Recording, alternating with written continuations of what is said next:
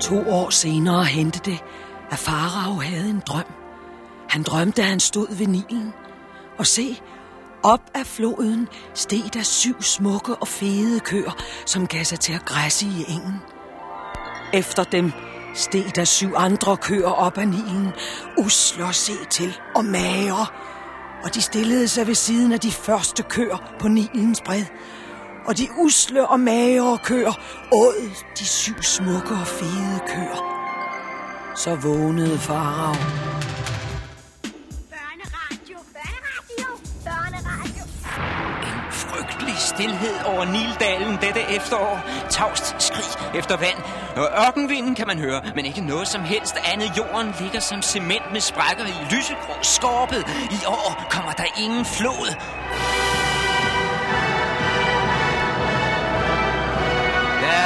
Ja, så er det sket igen. Nilen har svigtet os.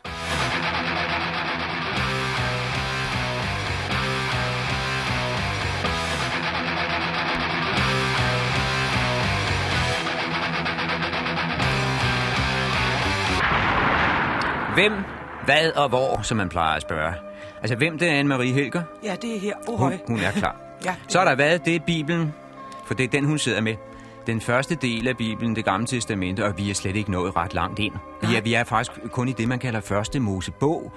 Altså, hvad, hvad skal vi sige, det er? Det er jo øh, 50 sider. Nå, U- er det ikke mere? Ud af 500, ikke? Eller, eller sådan noget, det gamle testamente. Så tror jeg altså ikke, vi når hele Vi når det ikke. Vi slutter nemlig til påske. Nå, så ja. vi, kan, vi kan helt roligt øh, droppe det der. Vi når ikke det hele. Vi ser, hvor langt vi når. Det tredje spørgsmål er, hvor er vi? Vi er selvfølgelig i Ægypten, for jeg snakkede om Nilen. Ja. Og du snakkede om Farao. Ja, Faraos strøm der i, i, i, i starten, ikke? Jo. Der er det ved det. Der er noget nyt ved det fra og med i dag. Det er, at nu Bibelen ligesom har våget sig ned til Ægypten. Historien er blevet henlagt Ja. til Ægypten. Så begynder vi at kunne kigge Bibelen i kortene, fordi så kan vi sammenligne med, med det, man har fundet nede i Ægypten. Altså de gamle ting, man har fundet, og de gamle skrifter, de lavede osv. For første gang, så begynder vi at kunne så ligesom tjekke, om det er nu rigtigt, det der står i Bibelen. Og er det så det? Det, nogle gange er det, andre gange er det meget skægt, helt forkert og nærmest vendt fuldstændig på hovedet, som alle eventyr er. Og det er jo det, vi skal huske, at Bibelen indtil nu, altså det, vi har læst indtil nu, det er en ren røverhistorie. Simpelthen, ikke? Ja. Også her omkring Josef. At det er tydeligt en romanfigur. Ja. Øh, men nu er det altså, at vi kan begynde at tjekke med, med de egyptiske fund. Jeg vil lige sige en ting, en lille skæg ting, for nu at starte med en lille fejl først, som ja. vi kan afsløre. Ja. Og det er, at farao betyder slet ikke farao. Øh, øh, når vi, af en eller anden grund, så hedder det overalt, øh, ellers overalt på, jorden, hvor vi kommer, ikke? Ja. så hedder det konger eller kejser. Ikke? Det er det ord, vi bruger. Ja. Kong dit eller dat, eller kejser dit eller dat. Men så snart det er i Ægypten, så kaldes de farao. Ja. Eller faraoner. Nå. Ikke? Ja. Hvordan kan det være? Det er fordi, det står her i Bibelen. Og det er, øh, det er der, man har lært det. Og det er en fejltagelse. I virkeligheden betyder ordet øh, tempel og palads, men de gamle jøder, der skrev Bibelen, de var ikke særlig gode til oldegyptisk. Så de har oversat det forkert. Nå, Så i virkeligheden er det en helt forkert titel. Den eksisterer slet ikke. Der er slet ikke noget, der hedder farve. Det lyder altså Men nu, meget flot. Ja, det lyder flot, og vi er også nødt til at blive ved med at bruge det, for Ja. det har man gjort i 3.000 år. Ja. Og så alle i Europa og Amerika og så videre over hele jorden, vi har lært os, at det hedder jo farve, når man er i Egypten. Det passer slet ikke. De havde nogle ganske almindelige ord for konger og kejser. Ordet farve øh, betød slet ikke det på oldegypten. Så der er sådan et eksempel på, at vi har en masse ord i vores sprog, som vi bruger til daglig. Dem har vi fra Bibelen. Og nogle gange er det altså forkerte ord. Andre gange er det rigtigt. ja. Okay, så her sidder vi altså, og pludselig kan vi begynde at læse bogen på to måder, fordi vi har romanen, som er ligesom en tv-serie, ligesom Dallas og sådan noget, på den ene side med Josef og alle de der personer og sådan noget. Ja. Så på den anden side, så kan vi også begynde at skimte noget, der ligner en virkelighed. Noget, der rigtig har foregået, og vi kan sammenligne de to ting, så derfor bliver det lidt indviklet, ikke? Ja. Men også lidt sjovere måske. Forløbig så følger vi romanhelten, som hedder Josef.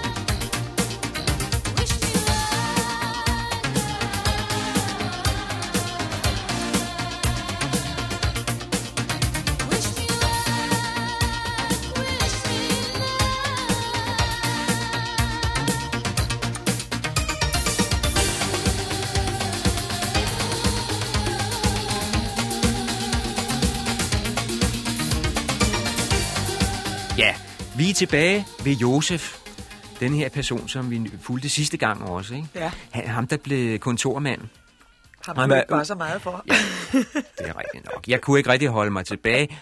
Han, han, er, han, er, han er kontormand, han er, han er uddannet skriver og så videre, og det var noget af det bedste, man kunne være på den tid. Ja. Der var virkelig brug for den slags folk. Og han kom der også til tops allerede derhjemme, da han var ung hos, hos far i det firma, Jakob drev der, kan man sige. Ikke? Der blev han, gik han ud og kontrollerede de andre. Ikke? Som, Brødrene. Ja, øh, brødrene, ja. ja. Hans, hans øh, 11-12 brødre. Ja. Som en slags lagerforvalter gik han rundt og tjekkede dem. Så der kom han højt på strå. Så, så blev han jo solgt af brødrene, og så havnede han nede i Ægypten, hvor han blev solgt til en general, der hed Potifar. Der kom han også lynhurtigt højt på strå. Ja. Og administrerede hele hans hus, altså blev hushovmester. Og, men så er der den uheldige historie med konen, der anklager ham for at have voldtaget hende og så videre. Så han havner i et fængsel. Ja. Men så sker der jo hverken værre eller bedre, end at der bliver han også, får han også opsyn. Der bliver han straks valgt til en slags tillidsmand og øh, får oversyn over de andre fanger. Og bliver sådan en slags, øh, det er utroligt, han gør karriere overalt. Ikke? Ja, ja, altså lige fra gør. barndommen og til han havner i fængsel. Han gør karriere. Han sidder der i to år i det her fængsel der. Og, øh, og der har han blandt andet gjort sig til speciale og tyde folks drømme. Når nogle af medfangerne havde drømme, så kom de hen øh, til Josef, og så øh, udlagde Josef de her drømme. Nå, men så sker det efter to års forløb, at Farao, altså kongen Ja. i Ægypten, han har også sådan en drøm om natten, som han gerne vil have tydet. Han kan ikke selv helt forstå den her drøm. Det var den, vi hørte lige i starten med de der syv kø- køer, der kommer op af floden og alt det der. Uh, han kan ikke helt forstå den. Og så uh, har han mænd stående lige ved siden af. Ham, der altid skænker vin op for, for kongen, for farao, ikke? Og ham, der rækker ham maden og alt det der. Det kaldes en mundskænk. Ja. Over mundskænken. Og han har siddet i fængsel, og der mødte han Josef, og nu kommer han jo så i tanker om Josef, og han er dygtig til det der med drømmetydninger, ikke? Mm. Og de er blevet gode venner i fængslet, så tænker han, nå, okay, vi hjæl- nu, nu er det på tide, jeg hjælper Josef, ikke? Ja. Noget for noget, om jeg så må sige. Og så bliver Josef halet ud af fængslet, og op til farao, og, og, og så genfortæller kongen, altså farao, han genfortæller øh, sin drøm til Josef. Han siger, jeg drømte, at jeg stod på Nilens bred, og se op af floden steg der syv fede og smukke køer, som gav sig til at græsse i engen. Efter dem steg der syv andre køer op, ringe, sår, usle og mager. Så usle dyr har jeg ikke set noget sted i Ægypten. Og de magre og usle køer åd de syv første fede køer. Men da de havde slugt dem, var det ikke til at se på dem. De, de så lige så usle ud som før, og så vågnede jeg. og Josef tyder straks drømmen, og siger, at det er en spot om det her. Ja. En spot om, om at først vil der komme syv gode år, det er altså de fede køer, syv gode år, og så syv dårlige år. Ja. Det er jo alt talt, hvis jeg må tillade mig at sige det, ret banalt. Altså efter øh, gode tider kommer der dårlige. Tingene har det jo med at gå op og ned, ikke? Ja. Altså det er Josefs drømmetydning. I virkeligheden, så siger han ikke meget andet end, at efter gode år kommer der dårlige. Se, der kommer syv år med stor overflod i hele Ægypten, men efter dem kommer der syv år med hungersnød, og der skal man glemme al overfloden. Hungersnøden skal herve jorden, så den tidligere overflod intet nytter. Til den påfølgende hungersnød bliver såre hård. Ja, altså det han siger, det er, at der kommer nogle frugtbare år, hvor det virkelig går godt, kæmpe høst, Ja. og så videre syv år. Og derefter nogle år, der bliver så dårlige, at resultaterne for de gode år bliver et op Nå ja. til sidst. Øh, og det er jo altid ikke nogen sensation. Altså hvis der er stået en spormand ved hoffet, altså en rigtig spormand, nu er det her en roman, ikke? det er et eventyr, men hvis der er stået en rigtig spormand og sagt, at, at sådan der, det går op og ned med egyptisk landbrug, ikke? så vil han blive smidt ud af, af hoffet simpelthen, fordi det ved alle og enhver, det gik altid op og ned, det har det altid gjort, ja. også i Ægypten. Øh, sagen er, at man er afhængig af den flod Nilen, og som regel så gik det sådan, at øh, som regel går det sådan, ikke? Der kommer et vældig regnvejr øh, ned over Etiopien i Afrika, ikke? Og, og det kommer en gang om året. Og så øh, stiger vandet i Nilen øh, nogle måneder efter. Ja. Det begynder midt i august måned, men det kulminerer først øh, i oktober måned. To-tre måneder senere. Altså de der fire-fem måneder, der står vandet meget højt i Nilen og oversvømmer alle marker. Der er der høste. Alt er væk, sådan set. Ikke? Ja. Så det har ikke noget med vanding at gøre i og for sig. Det, det drejer sig om, det er, at, at der kommer ny jord på. Altså det det er ikke bare det, at man, man kunne bruge floden til kunstvanding. Det er som mange andre steder på jorden. Mm. Der var det sensationelle ved Nilen, det er, at den også kommer med jorden. Nå. Ikke bare med vandet. Fordi der er en masse slam, en masse frugtbar muld oppe fra, fra, eller op fra Afrika, ikke? som bliver ført med vandet. Og så bliver, bliver Nildalen fuldstændig oversvømmet. Der er kun landsbyerne tilbage, som sådan stikker op. Ikke? Ja. Øh, og, og, og så aflejer det her slam sig, ikke? Og så behøver man, når det så er faldet ned igen vandet til normal vandstand, så behøver man bare gå ud og så pirke lidt i det. Så ligger der den der frugtbare sorte muld lige til at putte korn i og så. Men det var ikke altid, at Nilen var der vel. Der er af og til så svigtede det der regnvejr oppe i Etiopien. Og det, det er en fuldstændig fast ting, man vidste det der, ikke? At der var gode, og der var dårlige år efter hinanden. Og, og det er jo sådan, så kan du sige, hvorfor kommer der så syv dårlige år efter hinanden? Jo, det er meget nemt at forklare, fordi kommer der et dårligt år, så kommer der flere bagefter. Som man siger, en ulykke kommer sjældent alene. Altså, altså hvis, hvis, hvis nu det er småt med regnen op i Etiopien et år, ikke? Ja. Og der, så, så kommer der altså næsten ikke noget vand det efterår i Ægypten, nede i Ægypten. Øh, Der kommer heller ingen ny jord. Det vil sige, at næste år kommer der ikke noget korn ved. Folk begynder at dø af sult så er der færre til at genopbygge vandkanalerne og dæmningerne. Det vil sige, næste år og næste år igen går det dårligere og dårligere. Og der er heller ikke noget korn til at så ud til næste år, for det hele er spist op. Ikke? Mm. Der er ikke udsæde, som man siger. Ikke? Nej, det er ingen kunst at forudsige, at der kommer gode år og bagefter dårlige år. Lady, lady.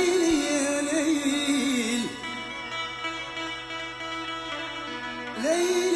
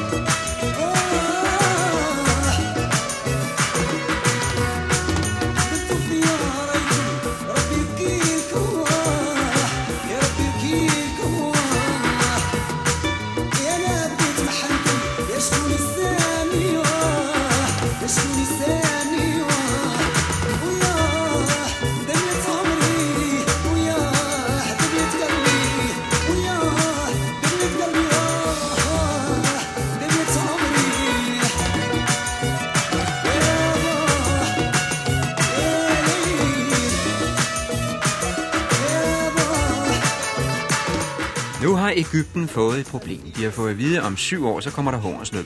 Ja. syv gode år, så kommer der hungersnød, og det skal vare syv år. Øh, det står de så over for. Hvad gør man så? Ja, Josef, han er lynhurtig. Han kommer straks med et forslag. Han er jo i og for sig hentet op fra fængslet som en arrestant, ikke? Ja. Han burde egentlig ikke blande sig, men han er da lynhurtig med et forslag. Han er jo kontormand selv, som vi har snakket om så mange gange. Han øh, øh, skriver og så videre og så videre. Ja. Og han foreslår det, som kontorfolk altid foreslår, når de står over for et problem, nemlig flere kontorfolk. det er den eneste mulighed, han kan se. Det er flere kontorfolk.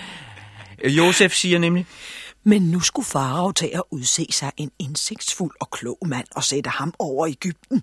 Og farao skulle tage og indsætte tilsynsmænd over landet og opkræve en femtedel af Ægyptens afgrøde i overflodens syv år. Og de skal samle al afgrøden for de gode år, der kommer, og oplager høsten som faraos eje, og bringe afgrøden under lås og slå i byerne, for at afgrøden kan tjene til forråd for landet i hungersnødens syv år. Ja, altså det første, han siger, det er, at der skal ansættes nogle flere. En, en, en, klog mand, der skal sættes over Ægypten, og så flere tilsynsmænd, ikke? Ja, Altså, så det- han har nogen at lege med. Der, der, ja, der skal flere embedsmænd ind i det her. Ja. Og, men men øh, hovedsagen er jo, at han, han foreslår Josef, at man sparer op i de gode år, så man har noget at æde af i de dårlige. Ikke? Altså Ja. laver overskudslager, Ja. for at sige det som det er. Og det er jo en glimrende idé. Der er bare det ved det, at den havde Ægypterne faktisk fået 1000 år før. Og sådan, vi er omkring 1800 før vores tidsregning her i øjeblikket, ikke? Ja. Da, da, da jøderne kommer ned. Og øh, øh, vi ved, at der var egyptiske kornlager i massevis spredt ud over hele landskabet fra 3000 år før vores tidsregning. Så 1000 år før havde de faktisk fået den her idé. Så jeg vil sige, hvis Josef var, virkelig var kommet med det forslag ved, ved det egyptiske hof, så var han blevet øh, simpelthen grint ud. Ja, jamen det, De, de, de stod der jo i forvejen, de lærer der. Ja. I, I romanen, altså eventyret, som vi sidder og læser her, som kaldes Bibelen, der bliver Ægypterne meget imponeret. Og, og, og og hvem, man kunne, hvem kunne man finde som den der, som der står, indsigtsfulde og kloge mand? Det kan de ikke rigtig. Øh, øh, hvem skal lede Ægypten gennem farerne? Både farao og alle hans tjenere synes godt om den tale, og farao sagde til sine tjenere, hvor finder vi en mand, i hvem Guds ånd er, som i ham? Hvor finder vi dog så dygtig en mand? Han skal være visir, kaldte man det. Eller finansminister, kan man også sige, ikke? Ja. Og hvem tror du, Rie? Jeg vil næsten skyde på Josef. Prøv at læse videre. Og farao sagde til Josef, så sætter jeg nu dig over hele Ægypten. Og farao tog sejlringen af sin hånd og satte den på Josefs, klædte ham i fine linnedklæder og hængte guldkæden om hans hals. Han lod ham køre i sin næstbedste vogn, og de råbte Abrik for ham. Og således satte han ham over hele Ægypten. Jeg er farao, men uden dit minde skal ingen røre hånd eller fod noget steds i Ægypten. Ja, der var mange svære ord her. Det dropper vi, øh, springer over. Ja, Hovedsagen er, abrik. at han, han bliver... Ja, abrik, det betyder hurra. Nå ja, Ja, sådan et eller andet, ikke? Ja. Ja. Altså, øh, det, det ender med, at han bliver udnævnt af Farao. Han siger, uden dit minde skal ingen røre hånd eller fod. Altså, uden din tilladelse, Josef, er der ingen, der må have lov til at hverken røre hånden eller foden i hele Ægypten. Og det er jo en hver embedsmands Stærkt drøm. sagt. Jamen, Ja. det er, jo- nu får, altså, øh, han får kongens tilladelse, og der er ikke en Ægypter, som må så meget som blinke med øjet, uden Josefs tilladelse, ikke? Den bliver svær. Det er den der kontrol. Ja. Kontrol, det er, hvad embedsmænd altid drømmer om, ikke? Jo. Og nu er det jo lykkedes for, for Josef. Først fik han kontrol over brødrenes kvæg derhjemme, så fik han kontrol over Potifars hus, så fik han kontrol over de andre fanger i fængslet, da han havnede der. Ja. Og nu har han fået kontrol over et helt verdensrige. Det er jo simpelthen drømmen for enhver embedsmand. Men læg mærke til, at det er en underlig form for magt, for det er en magt på anden hånd. Han får magten fra farao. Ja. Han, han fordeler magten. Han siger, værsgo, nu skal du udøve min magt, Ja. ja. siger farao til Josef. Og det er typisk for embedsmanden. Han vil altid udøve, han drømmer om at udøve total magt for sin, over sine medmennesker, ikke? Men uden ansvar, fordi der sidder en ovenover, som bestemmer, ikke? Altså, han behøver ikke træffe nogen beslutninger selv. Ansvaret for det hele ligger op hos kongen, men embedsmanden har fuldstændig uindskrænket magt.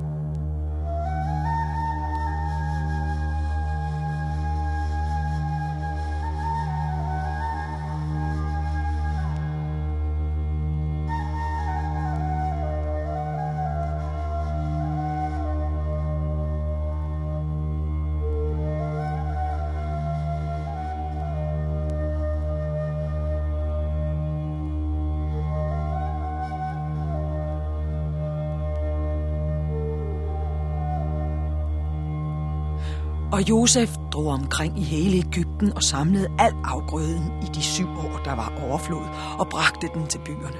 I hver by samlede han afgrøden fra markerne deromkring. Således ophobede Josef korn i vældig mængde, som havet sand, indtil man opgav at måle det, da det ikke var til at måle. Ja, altså, de laver overskudslager i de gode år. Ja. Ja. Samler de sammen. Overskudslager, som de har noget at tære på i de dårlige år. Læg mærke til, at det er decentralt. Det er ikke sådan, man samler alt kornet et sted i Ægypten. Det ligger ude lokalt ved byerne, som der står, ikke? Ja. Øh, fra de marker, der er omkring byerne. Der er en meget enkel forklaring på det. Vognen var faktisk ikke opfundet på det her tid, altså med hjul på, og man kunne ikke transportere flere tons korn. Det, det, det var ret umuligt. At, at, der Kun hvad der kunne ligge på et, på et dyr. Ja, og derfor så, ja. så valgte man at lave mange små lager, i stedet for at lave et stort i midten. Ikke? Ja. Der bliver tit skrevet om vogne her i Bibelen, og det skal man ikke helt tro på, for på det her tidspunkt, der er de slet ikke opfundet endnu. Nå. Øh, men ellers øh, er det rigtigt, at, at, at det betyder uendelig meget med korn øh, i Ægypten. Det er simpelthen det vigtigste overhovedet. Det var byg hovedsageligt, og det blev brugt til to ting. Til brød selvfølgelig, som hver kan regne ud, Ja. og til øl. Og øllet var enormt vigtigt. Altså i virkeligheden så levede Det har Ægypten... det altid været. Ja. Ja. Øh, både her i Ægypten og i, i øh, hvad hedder det, Mesopotamien. Man lavede kolossal mængder af øl. Faktisk brugte man mere korn til ølproduktion, end man brugte til brød mange steder. Er. Og, og Ægypterne levede af faktisk af brød og øl. Altså almindelige Ægypter, de levede stort set af brød og øl, og så lidt grøntsager, især løg, ikke? Og sådan. Men, ja. men det var hovedbestanddelen, ligesom vi har kartofler og sådan, ikke? Så havde de brød og øl. Det var ja. det, det var, og det var sådan, at man ligefrem fik sin løn udbetalt i brød og øl. Jeg vil tro, altså de øh, 100.000 af mennesker, der arbejdede ved pyramiderne, Ja. med at få de her kæmpe stenblokke på plads, for det var nemlig lønarbejde, det var ikke slaver som folk, det var faktisk øh, arbejde. De fik deres løn udbetalt i brød og øl. Det kan man se i de gamle dokumenter, Ja. at, det, at det fik de. Øh, sandsynligvis også dem, der byggede pyramiderne. Sagen var jo den, og det har også noget med korn at gøre, fordi det var i virkeligheden øh, beskæftigelsesarbejde, som jeg siger. Når floden var oversvømmet, og der ikke var noget markarbejde, det siger jeg selv, når, når, når markerne står under vand, så er der jo ikke noget markarbejde. Så gik folk jo ledige, og, øh, og i fem, fire-fem måneder om efteråret. Og det benyttede man så, så hyrede man dem til at bygge pyramider. Og så var der jo også den fordel, at, at når vandet stod højt i floden, så var det lettere at sejle stenblokkene frem og tilbage oh, på floden. Ikke? ja. Så, så det var egentlig ret smart. Og, og derfor var det altså også så vigtigt at have øh, korn og gemme det i kæmpe lager og sådan noget, fordi det var ikke alene det, man øh, øh, fik udbetalt som løn og så videre. Det var jo simpelthen det, man levede af. Var der ikke noget korn, så døde man. Ja. Og så sker der jo netop det, at så kommer de dårlige år. Og det må være tørke, det kan der slet ikke være tvivl om. Der kommer altså nogle år, hvor det svigter, hvor der ikke er nogen regn over Afrika, over Etiopien, og derfor stiger floden ikke, som den plejer at gøre. Da overflodens syv år, som kom over Ægypten, var omme, begyndte hungersnødens syv år, som Josef havde sagt. Og der opstod hungersnød i alle lande, men i hele Ægypten var der brød. Ja, i hele Ægypten var der brød, fordi det er så vigtigt. Det øh, almindelige mennesker spiste har været sådan en slags, det har set ud ligesom pizzabrød, du ved, de her Ja. runde, flade brød. Øh, de havde altså uhævet brød, ikke? Ja. Altså, øh, øh, man havde fundet på det der med at hæve brød, så de kunne godt lave noget, der lignede franskbrød og sådan store høje brød og sådan noget. Ja. Men, men øh, stadigvæk den dag i dag, der er det det flade, runde brød, ikke? som vi kalder pita-brød. Ikke? Så noget i den stil i hvert fald. Ikke? Ganske vist bagt af, af byg. Ikke? Ja. Og øh, det er det samme ord, der går igen i pizza. Det er den der idé med det runde, flade brød. Nå ja. Altså pizza er jo heller ikke hævet som et franskbrød, vel? Nej. Altså det er jo også uhævet brød, ikke? Ja. Og det er simpelthen øh, urbrødet i hele verden. Det er det lille, flade, runde brød, som man kunne øh, bage på en sten, på en Ja, varm sten og lige vende, ikke? Som pandekage i virkeligheden. Og det var det, man levede af. Og det havde enorm betydning. Øh, man kunne være fuldstændig sikker på, at hvis der ikke var noget korn, og derfor heller ikke noget brød, så var der oprør over hele landet i løbet af, af, af få uger. Og sådan er det den dag i dag. Øh, mange steder i verden, også her i Danmark for den sags skyld, der understøtter man øh, priserne på, på fødevarer, ikke? Øh, fordi det vil man ikke ramme folk på. Øh, korn eller, eller brød og, og mælk og sådan, det skal helst være billigt. Det er slet ikke produktionsprisen, vi betaler. Vi betaler meget mindre. Sådan var det, er det især i Ægypten. Der har det altid været sådan. Og den dag i dag er det altså sådan, at, at, at, at brødet koster to øre, selvom det, det burde koste 5 kroner. Ikke? Men, men staten giver tilskud, fordi de ved, at hvis man hævede prisen på de her pizzabrød, som jeg hele tiden sidder og taler om, det, så vil de næste dag, så vil der stå 10 millioner mennesker på barrikaderne.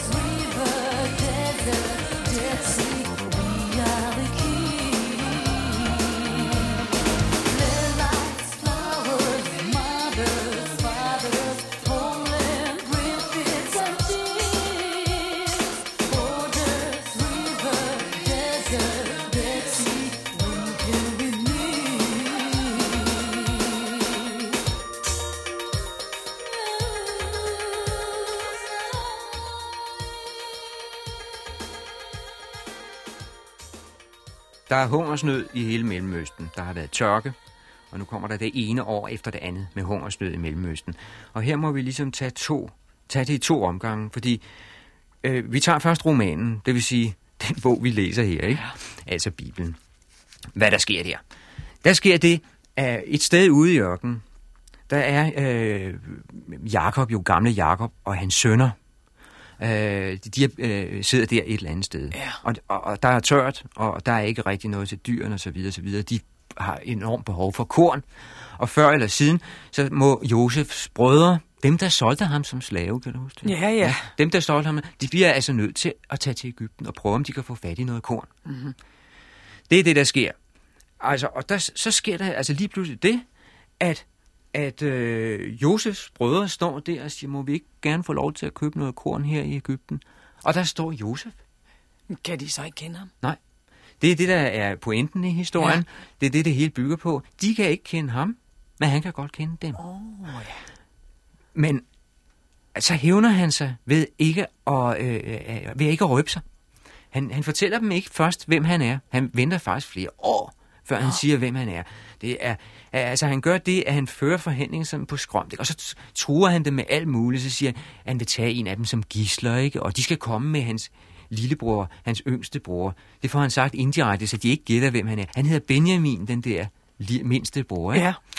Rakels øh, mindste søn, som hun fik, øh, og døde af faktisk, da, Nå, da ja. hun fik ham Benjamin. Ja, ikke? Nå, okay. Og sådan på den måde, så truer Josef de her brødre, som ikke kan genkende ham, den ene gang efter den anden, ikke? og de må krybe på knæ. Man kan ligefrem mærke, hvordan Josef nyder at hævne sig og se Ja. dem krybe for sig. Ikke? Ja. Nå, men De var heller ikke søde ved ham jo. Det var de det, det, det var de ikke. det skal vi lige huske. Han har, han har sådan set, øh, man kan godt sige, at han har krav på lidt hævn. Ja.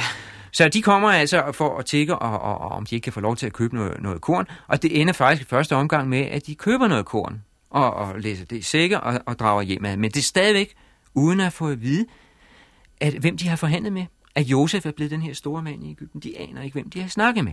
Okay, det er romanen. Så er der virkeligheden. Ja. Uh, uh, og der er det rigtigt. På den måde, at Ægypten var ligesom smørhullet i hele Mellemøsten. Ja. Øh, når der var tørke andre steder, og hungersnød andre steder, så var der altid noget vand tilbage i Ægypten, og noget korn tilbage i Ægypten, for der var den flod, der hed Nilen.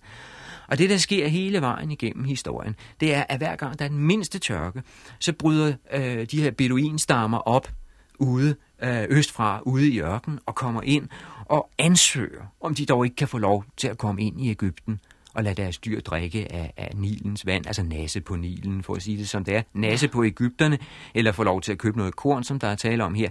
Det er, det er en fuldstændig fast ting. Kan du huske, Abraham han gjorde det to gange. Øh, der var hungersnød oppe i, i det hellige land, så strømmede han ned, straks ned til Ægypten. Nå, ikke? ja, ja. Og det sjove er, at, at, at øh, øh, i, i, i Bibelen her, der skal Ægypten fremtræde som sådan en kæmpe fjende. Det er sådan, de her Ægypter, det er nogle fæle nogen, der mishandler jøderne og alt sådan noget, bliver fremstillet som et, et, et, et nærmest et diktatur, et frygteligt sted. Sandheden er, at de elskede det sted. De kunne slet ikke undvære de små beduinstammer. Der omkring blandt andet jøderne, altså Jakobs stamme, de kunne slet ikke undvære Ægypten. Så snart der var den mindste tørk, så måtte de derned bede om øh, BB. Og det ved vi fra, fra egyptiske øh, øh, dokumenter, gamle bøger og protokoller osv. Der står helt tilbage 2000 år før Kristi fødsel, og om århundrede efter århundrede, så står der det der, der kommer nogle af de asiatiske hyrdestammer og ansøger, ikke? Og så får de lov. De får altid lov nemlig, fordi det, det er meget praktisk. Det betyder for det første ingenting, for det er nogle bitte små stammer i forhold til Ægypten, så lad dem bare drikke lidt af Nilen eller købe noget korn. Det betyder sådan ikke noget særligt. Men det er alligevel meget godt at have dem som venner, fordi tænk, hvis der en dag kommer en fjende over østfra, så er det meget rart at have nogle spioner ude i ørkenen, der kan fortælle en om det. Ikke? Nå, så derfor ja. sørger Ægypterne altid for, altså af politiske grunde, sådan lige at holde sig gode venner med de der små ørkenstammer.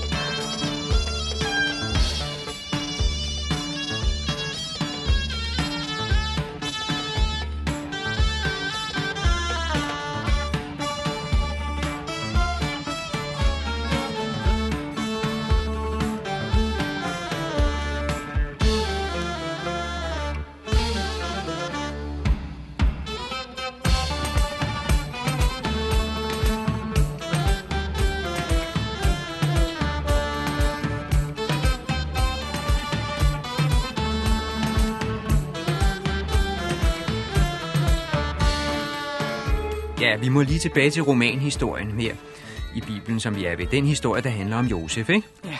Altså, der sker jo så det, at at hungersnøden fortsætter, som han har spået i mange år. Og øh, efter et par års forløb, så må Josefs øh, brødre afsted en gang til for at købe korn i Ægypten. Altså stadigvæk den lange tur, helt op fra Palæstina eller sådan et sted, ikke? Og så ned til Ægypten for at købe korn, fordi der er tørke over hele Mellemøsten. De må altså ned og tække en gang til, kan man sige. Og dengang har de taget øh, den yngste bror med, Benjamin, ja. som altså er Josefs bror, rigtige bror, om jeg så må sige, fordi øh, de er begge to sønner af Rakel, Nå, af øh, Jakobs yndlingshustru. og det er de andre ikke. Det er de andre ikke, fordi Nej. Rakel fik kun to sønner, Nå, og det, det er er, rigtigt, ja. det er Josef og Benjamin. Ikke? Ah. Og Benjamin, det er den lille, og der ham har øh, Josef et særligt øh, kærligt forhold til. Så de kommer altså alle sammen, og, og, og Josef bliver selvfølgelig dybt rørt over nu endelig at, at se sin lillebror. Men Josef brød hurtigt af, til kærligheden til broren blussede op i ham, og han kæmpede med gråden. Derfor gik han ind i sit kammer og græd der. Men da han havde badet sit ansigt, kom han ud, og han beherskede sig og sagde, sæt maden frem. Ja, han går ind og kender du dem? Han gik ind og badede sit ansigt, ja. og så behersker han sig, så kan han altså sætte maden frem. Han røber sig altså ikke. Nej, Altså, det er det, der sker. Han, han, de står foran ham, alle de her brødre, også hans yndlingslillebror der. Ja. Han røber sig ikke, men han er lige ved at gøre det. Det er derfor, han må have må koldt vand i ansigtet. Ja, så, han må ud og græde. og, og så, så stive sig af, og så kommer han, ja, ja, sæt, sæt mad på. Og der er altså gået to-tre år her i mellemtiden. Han holder stadig masken. Ja. Han lader stadig brødrene pines og så videre. Han lader dem købe korn en gang til. Så gør han det, at han gemmer nogle 20 koster i den ene af sækkene. Og så da de skal ud af Ægypten over grænsen, så bliver det selvfølgelig opdaget. De åbner de her kornsække, og så, aha, I har stjålet noget fra, fra faraos visir, fra den, fra, fra den store mand der, ikke? ja. Og så bliver de pint og plade, for så skal de, bliver de arresteret og bliver halet tilbage igen til Josef, ikke? Altså, han er stadig i gang med sin hævn. Ja. Selvfølgelig er han det. Han er stadig i gang med sin hævn. De får sig en ordentlig forskrækkelse. Men nu står de altså over for hinanden for tredje gang i løbet af tre år eller sådan noget. Og så kan Josef ikke holde på hemmeligheden mere. Han gør det, han kommanderer alle andre end brødrene ud af salen. Der kunne Josef ikke længere beherske sig over for alle dem, der stod hos ham, og han råbte, lad alle gå ud! Derfor var der ingen andre til stede, da Josef gav sig til kende for sine brødre. Så brast han i lydelig gråd, så Ægypterne hørte det, og det spurgtes i faraos hus. Og Josef sagde til sine brødre, Jeg er Josef. Lever min far endnu? Men hans brødre kunne ikke svare ham, så forfærdede var de for ham. Så sagde Josef til sine brødre, Kom hen til mig. Og da de kom derhen, sagde Josef, Jeg er eders bror Josef, som I solgte til Ægypten. Men I skal ikke græmme jer eller være for knytte, fordi I solgte mig. Og han har tilgivet dem, siger han, fordi han, som han siger bagefter, det er jo Guds vilje, at jeg skulle herned til Ægypten, sådan at jeg kunne komme til at frelse hele verden for den her hungersnød. Nå da det. Ja, det er det, han siger. Ja, Og, øh, men så har han altså lige sørget for at hævne sig i to-tre år, ja før han, det før han siger han det. alligevel ikke bare sig for.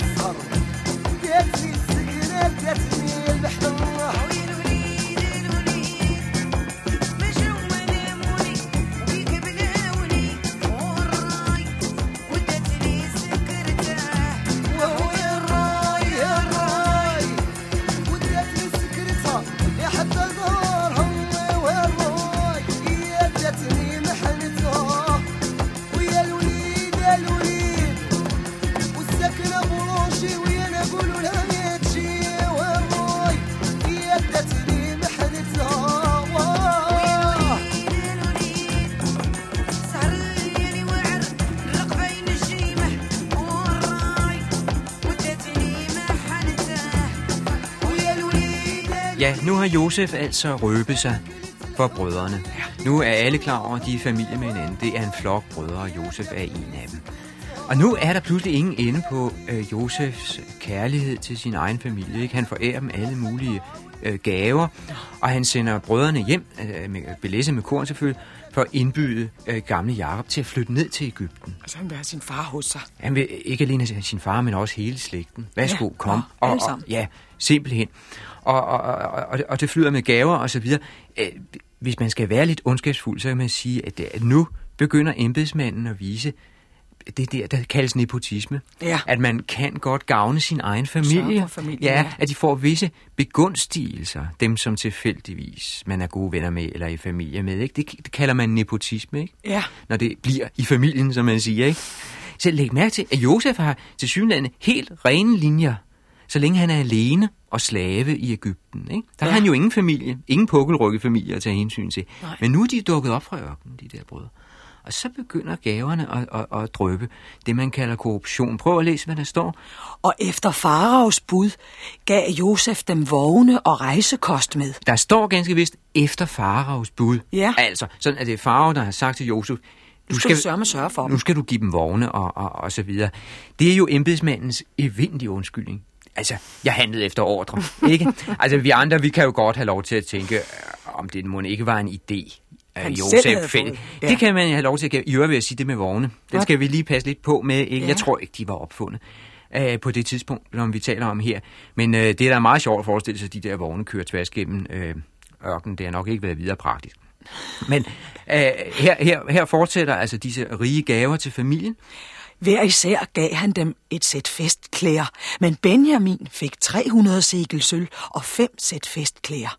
Og sin far sendte han 10 æsler med det bedste, der var i Ægypten, og 10 hundæsler med korn, brød og rejsetæring til faren.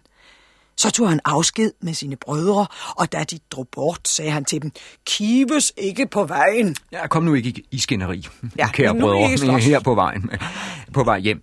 Og det er temmelig overlegent. Han spiller allerede familie overhovedet, Ja, Josef. det er det, er han ikke, gør. Ja, Ja. det er, det, det, er som om, der, der har slet ikke været nogen diskussion om, om det der med, om de kives eller ej. Men han skal lige fyre sådan en faderlig replik af Han til sidst. ja. Alt faderlig, selvom han faktisk er næst yngste søn. Åh ja, det er han det er han. faktisk. Ja. Han er faktisk lillebror. Men det er gået godt for men ham. hovedsagen her i Bibelen, det er, at det skal se ud som om, at, at de bliver bedt om at komme. Altså, at de får en indbydelse til at flytte ned til Ægypten. Ja. At der går en indbydelse fra Ægypten til jøderne, eller israelitterne, som man kaldte dem, om at komme ned til Ægypten og slå sig ned. Sandheden er den nærmest den modsatte. Altså den historiske sandhed, som alle kender, fordi det, det, det kan man jo se i de egyptiske optegnelser, det er, at de der små ørkenstammer, som øh, Jakob stamme er en af, ikke? at de der små ørkenstammer, de kom krybende og ansøgte om tilladelse til at få lov til at drikke lidt af Nilens vand, når der var tørke. Det var sådan, tingene hang sammen. De blev ikke direkte indbudt. De måtte sandelig ansøge om det, og så blev det overvejet, og så fik de tilladelse. Men det, der sker, det er altså, at det er en familiesammenføring, ikke? Ja. Altså, Josef har været alene i Ægypten i nogle år der, ikke? Nu sørger han for, at hele øh, familien øh, kommer ned og slår sig ned, hvor han er blevet en stor mand. Og de tog deres kvæg og alt deres ejendom, som de havde erhvervet sig i Kanaans land, og drog til Ægypten. Jakob og alt hans afkom med ham. Sønner, sønnesønner, døtre og sønnedøtre, alt sit afkom bragte han med sig til Ægypten.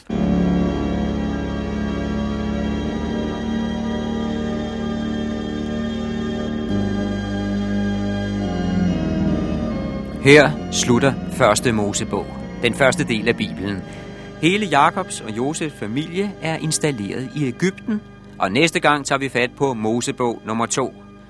Men der er de allerede forsvundet, for Bibelen laver et gigantisk tidshop. Pludselig er det 500 år senere, et halvt årtusind, der er sporløst forsvundet. Fortiden fortaber sig i 500 års tåge. De gamle personer er pludselig kun skygger i røgen, ligesom musikerne i en rockvideo. De var fantasifostre alle sammen. Abraham, Isak, Jakob, Josef, drømmehelte fra en fjern fortid. Det var eventyr det hele. Derfor er det til grin at diskutere, om Josef nu var sådan eller sådan, eller om Abraham nu også sagde sådan og sådan. De har aldrig eksisteret. De lever kun inde i hovedet på dem, der sidder og læser eventyret, og de dør i samme øjeblik, vi lukker bogen. Ligesom Batman gør, forsvundet i det sekund, filmen er slut. fantasifostre, men det var sjovt, så længe det varede.